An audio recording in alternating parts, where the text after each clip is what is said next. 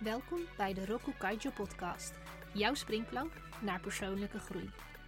Mijn naam is Marianne Reinen. Ik ben jouw host tijdens deze reis.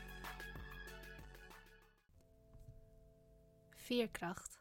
Ja, dat hippe woord dat zo van een tegeltje geplukt lijkt en te pas en te onpas wordt rondgestrooid op social media. Tijd om er ons wat meer in te verdiepen. In deze aflevering: wat is veerkracht? Wat zijn de effecten van veerkracht en hoe vergroot je je veerkracht? Wat is veerkracht? Vaak wordt bij veerkracht gedacht aan de kunst om jezelf te herpakken na een tegenslag. Het lijkt om een individuele eigenschap te gaan die ons helpt om op te krabbelen. Recent onderzoek van Cross, Dillon en Greenberg laat zien dat veerkracht niet alleen afhangt van een eigenschap op persoonlijk niveau, maar dat het ook wordt aangewakkerd door sterke banden en netwerken. Wat maakt ons veerkrachtig? Marcus Buckingham schrijft in een artikel voor Harvard Business Review 1. Veerkracht is een reactieve gemoedstoestand die wordt gecreëerd door blootstelling aan lijden. En 2.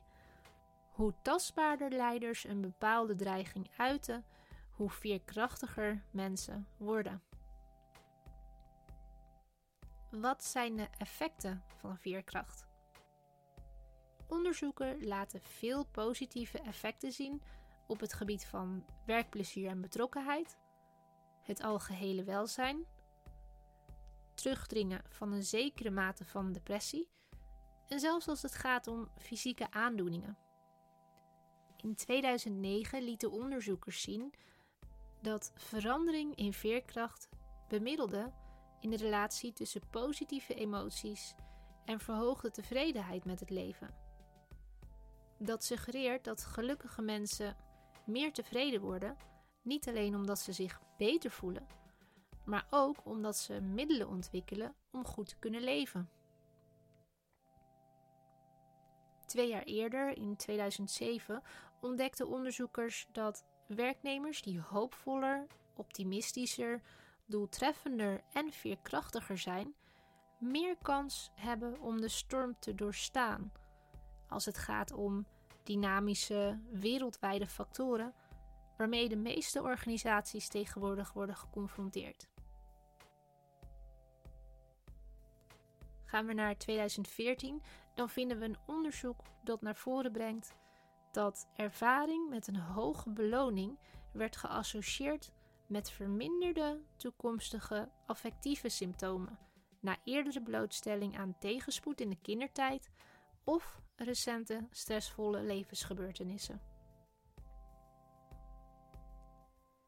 Kijken we vier jaar eerder, dan zien we in een onderzoek uit 2010 bewijs dat er zelfs op het gebied van fysieke aandoeningen een positieve rol aan veerkracht kan worden toebedeeld.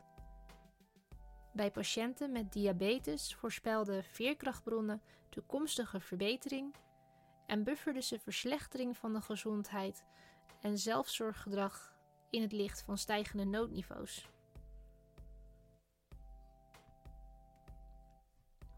Vergroot je je veerkracht? De eerder genoemde Cross, Dillon en Greenberg stellen: relaties zijn misschien wel onze meest ondergewaardeerde hulpbronnen. We worden meer of minder veerkrachtig door onze interacties met anderen. De centrale vraag die dan opkomt is: zijn onze relaties breed en diep genoeg om ons te helpen bij tegenslagen? Door deze onderzoekers worden twee stappen gedeeld om dit voor jezelf te kunnen onderzoeken. Stap 1.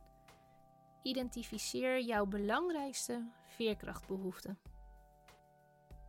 Onze veerkrachtbehoeften zijn persoonlijk en worden gevormd door onze unieke geschiedenis, persoonlijkheid en professionele en persoonlijke context. Maar samen vormen de relaties die we ontwikkelen een gereedschapskist waarop we in onze moeilijkste tijden kunnen vertrouwen om ons te helpen de dagelijkse uitdagingen het hoofd te bieden. Stap 2. Plan hoe je je netwerk uitbreidt. Denk aan de top 3 van veerkrachtbehoeften die je hebt aangegeven en plaats de namen van mensen of groepen waarin jij zou kunnen investeren om bronnen van veerkracht verder te cultiveren. Ten eerste kunnen we bestaande relaties verbreden. Ten tweede kunnen we een band aangaan met nieuwe groepen of mensen om belangrijke elementen van veerkracht te cultiveren. Interessant punt: deelnemen aan niet-werkgroepen, denk aan bestuurswerk, sociale actie, gemeenschapsorganiserende groepen, helpt ons ook veerkracht te ontwikkelen in ons werkleven. Blootstelling aan een diverse groep mensen stelt ons in staat verschillende manieren te leren om crisis te beheren, te leiden en aan te pakken. Het helpt ons ook om verschillende relationele vaardigheden te ontwikkelen, zoals onderhandelen met verschillende belanghebbenden. Daarnaast helpt het ons om empathie en perspectief aan te kweken. En ook dat kunnen we naast andere voordelen meenemen in ons werk. Roku Kaijo's weektip. Analyseer de basis voor jouw veerkracht. Deze week daag ik je uit de volgende twee vragen voor jezelf te beantwoorden. 1. Waar liggen jouw behoeften als het gaat om veerkracht? 2. Hoe kun jij je netwerk uitbreiden? Deel gerust jouw bevindingen. Mijn contactinformatie vind je in de beschrijving van deze aflevering. Bedankt voor het luisteren naar de Roku Kaijo podcast. Schakel elke donderdag in voor een nieuwe aflevering. Meer informatie en het laatste nieuws vind je op de website roku-kaijo.com.